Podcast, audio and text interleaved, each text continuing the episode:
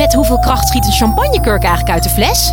Ja, het is feest bij Quest. Al twintig jaar serieus leuk, met nieuwsgierige vragen en antwoorden uit de wetenschap. Zo maken we Nederland elke dag een stukje slimmer. Nu in de winkel en op quest.nl. Ja, hallo en welkom bij de wetenschappelijkste podcast van het land. Leuk dat je luistert. Je ziet het in de supermarkt en elke health influencer praat er wel een keer over. Middeltjes met probiotica om je darmflora te verbeteren. Wat we hierover weten en hoe je nu echt je darmen gezond houdt, vertelt microbioloog Remco Kort van de Vrije Universiteitje in dit college. Dit is de Universiteit van Nederland. Zo, even een eh, probiotisch drankje. Hebben jullie eigenlijk enig idee wat het zijn, probiotica? Het zijn volgens de definitie darmbacteriën, of het zijn bacteriën, die in, indien zij worden toegediend in, eh, in voldoende mate, een gezondheidseffect op de gastheer hebben. Ik kan me voorstellen dat je als eh, consument eh, tegenwoordig wat moeite hebt. Je, je loopt er door de schap en denkt van ja, wat, wat moet ik nou nemen? er staan allemaal mooie verhalen op. Goed voor een gebalanceerde darmflora. Verhoogde weerstand.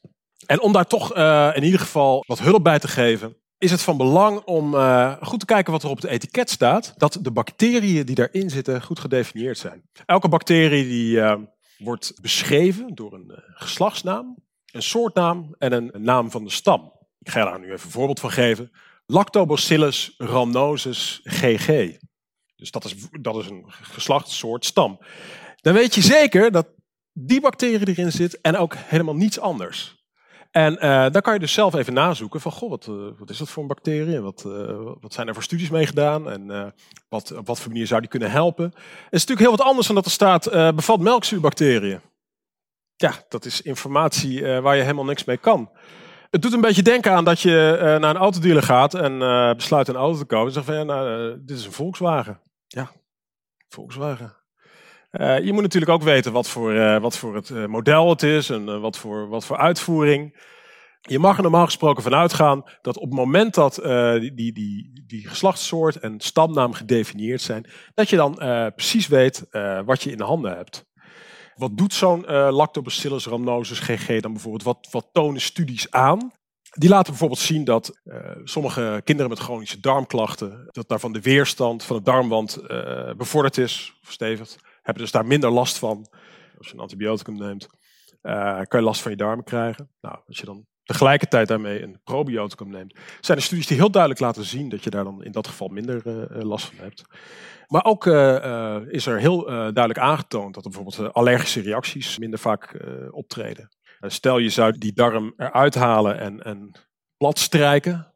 Een beetje ingewikkeld om dat ook echt uit te voeren, maar dan om toch even een beeld te krijgen, zou je uitkomen op het, uh, op het oppervlak van een uh, volledige tennisbaan. Dus dat is even om aan te geven wat een enorm oppervlak die, uh, die darmen hebben. Dat volledige darmoppervlak is helemaal bekleed met bacteriën. En eigenlijk zou je kunnen zeggen dat al die bacteriën op en in ons lichaam functioneren als een soort hele gevoelige thermometer. Dus alles wat er aan, in, aan onze toestand verandert, of dat nou chronische ontstekingen zijn van de darm, maar ook dingen die niet eens gerelateerd zijn met de darm, zoals autisme. Daarin zien we dat er systematische afwijkingen voorkomen in die darmflora. Heel veel onderzoek tot op de dag van vandaag heeft te maken met al die verbanden. Dus op het moment dat iets uit balans raakt, dan kunnen we dat terugvinden in de, in de darmflora. Dat is eigenlijk het belangrijke verhaal hier. Alleen de vraag is of we die rol ook niet soms overschatten.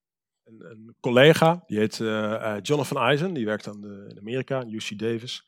En die begon een beetje te balen van het feit dat er zoveel mensen waren die een loopje namen met het vakgebied waarin die zelf werkzaam. Daar is ook microbioloog en op dit gebied actief. En die heeft dus bedacht dat hij elke paar maanden de Overselling de Microbiome Award uitdeelt. Dat houdt dus in dat hij, ja, iedereen, dus, laat maar zeggen, die een bepaalde claim maakt van dit is ook iets met die darmflora die, die krijgt zo'n, uh, hij moet het wel heel bond maken trouwens hoor, maar die krijgt dan die Overselling the Microbiome uh, Award. En uh, ik dacht van, het is leuk om dat even met jullie te doen, om eens te kijken van, ja, zijn er misschien een aantal van die claims waarvan jullie denken van, nou, dit is ook wel echt zo'n award waard. Goed, één is dat het mogelijk is om met een gepast dieet je darmmicrobioom zo aan te passen dat je veroudering tegengaat. Is dit een award waard? Inderdaad, inderdaad. En eh, wat er gebeurt is dat oorzaak en gevolg door elkaar worden gehaald. Want het is inderdaad zo dat eh, studies laten zien dat er bepaalde veranderingen zijn in de microbioom op het moment dat je ouder wordt. En die veranderingen zijn ook systematisch. Dus als je naar heel veel individuen kijkt, zie je inderdaad dat er bepaalde veranderingen zijn. Maar je kan het natuurlijk niet omdraaien. Je kan niet zeggen van, ja, eh, op het moment dat ik dus een paar van die bacteriën probeer te wijzigen, voor zover dat dan mogelijk is, dan gaat het ook veroudering tegen.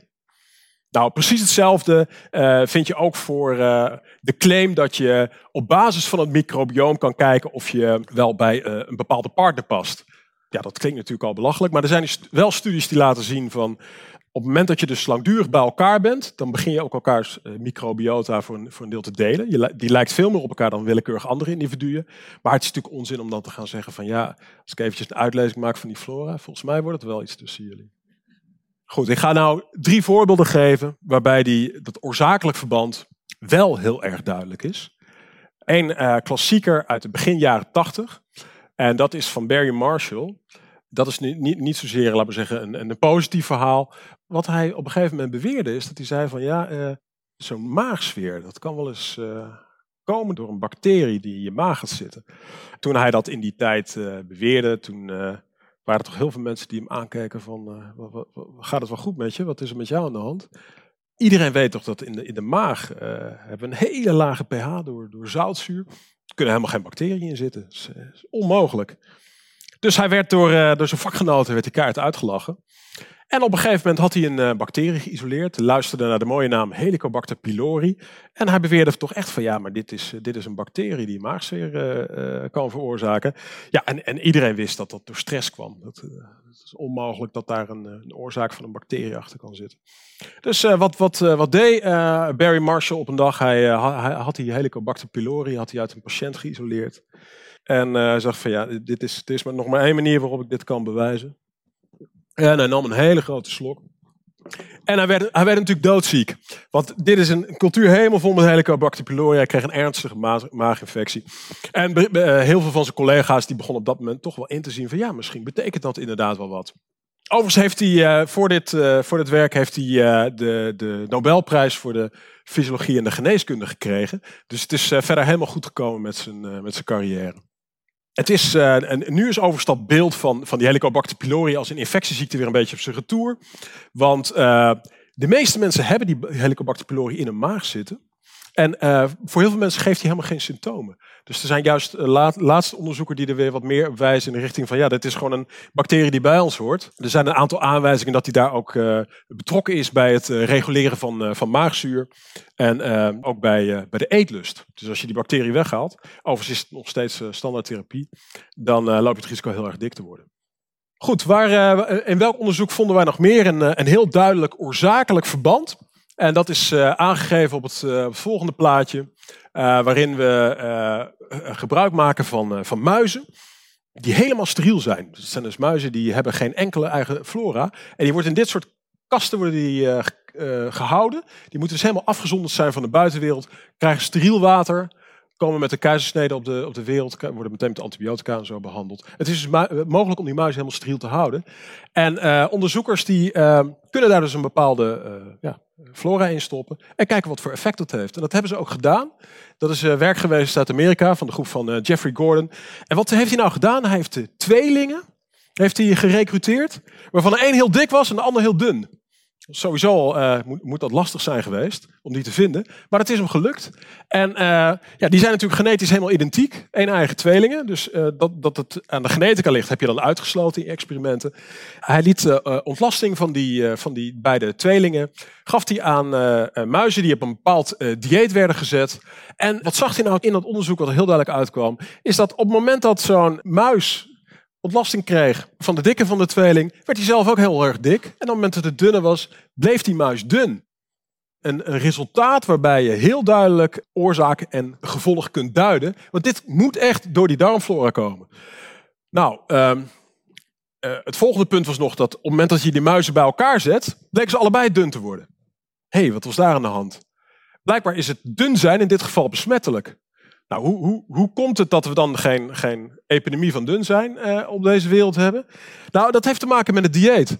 Want uh, dit gebeurt alleen maar op een uh, dieet van, van low fat. En alle effecten die hij zag, is dat als je die muis een dieet gaf wat wat meer in de, in de, in de richting kwam van de McDonald's, laat maar zeggen, dan werden ze gewoon allemaal dik. En zag je deze verschillen ook helemaal niet meer. Dus uiteindelijk is het toch het dieet dat van belang is. En ja, helaas kunnen we dus niet alles op onze darmflora afschuiven. Nou, ik heb nog één uh, laatste punt. Dat is uh, het punt van fecale transplantatie. Dat is, daarvoor is hier in Amsterdam ook uit AMC heel veel pionierwerk gedaan. Wat we daar zien is dat in geval van een infectie die is opgelopen met een bacterie, het Clostridium difficile. Dat is een bacterie die maakt sporen. Die infectie die wordt heel ernstig op het moment dat je, of in sommige gevallen dan, een antibioticumkuur krijgt. Want wat, wat gebeurt er nou?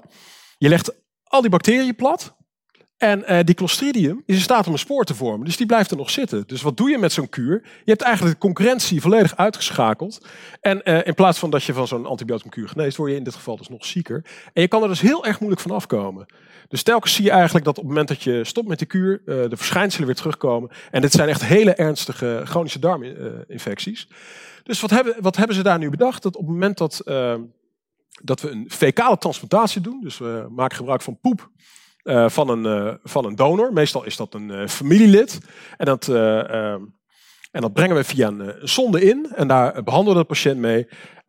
dan zou het wel eens kunnen dat dat een heel gunstig effect heeft. En inderdaad hebben deze studies laten zien dat in sommige gevallen hoger dan 80 tot 90 procent van de patiënten genezen werden op deze manier. En dit is dus ook een, een heel mooi voorbeeld dat dat dit soort mooie resultaten kan hebben. Nou goed, wat, uh, wat concludeer ik nou eigenlijk van hoe, hoe krijg je nou een gezonde darmflora? Nou, ik, eigenlijk is mijn punt een beetje dat ook al weten we nu heel veel, er eigenlijk nog steeds weinig nieuws onder de zon is.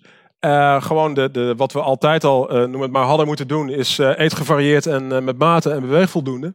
Dat gaat hier nog, nog steeds op. Als je dan toch wel moet doen, sla dan aan het fermenteren. Want dat is natuurlijk een hele gezonde gewoonte die in onbruik is geraakt. Dus dat zou ik iedereen sowieso willen aanraden. ja, hier wil ik het wel graag bij laten. Ik wil je hartelijk danken voor je belangstelling vanavond. Dat was Remco Kort. Vond je dit nou een interessant college? Word dan van de show. Voor maar 2,50 euro per maand kun je ons al steunen. Met jouw hulp kunnen we twee keer per week een podcastaflevering blijven uitbrengen, zodat iedereen kan blijven leren van de allerleukste wetenschappers van het land. Check het in de link. Tot de volgende. En die gaat over de samurai.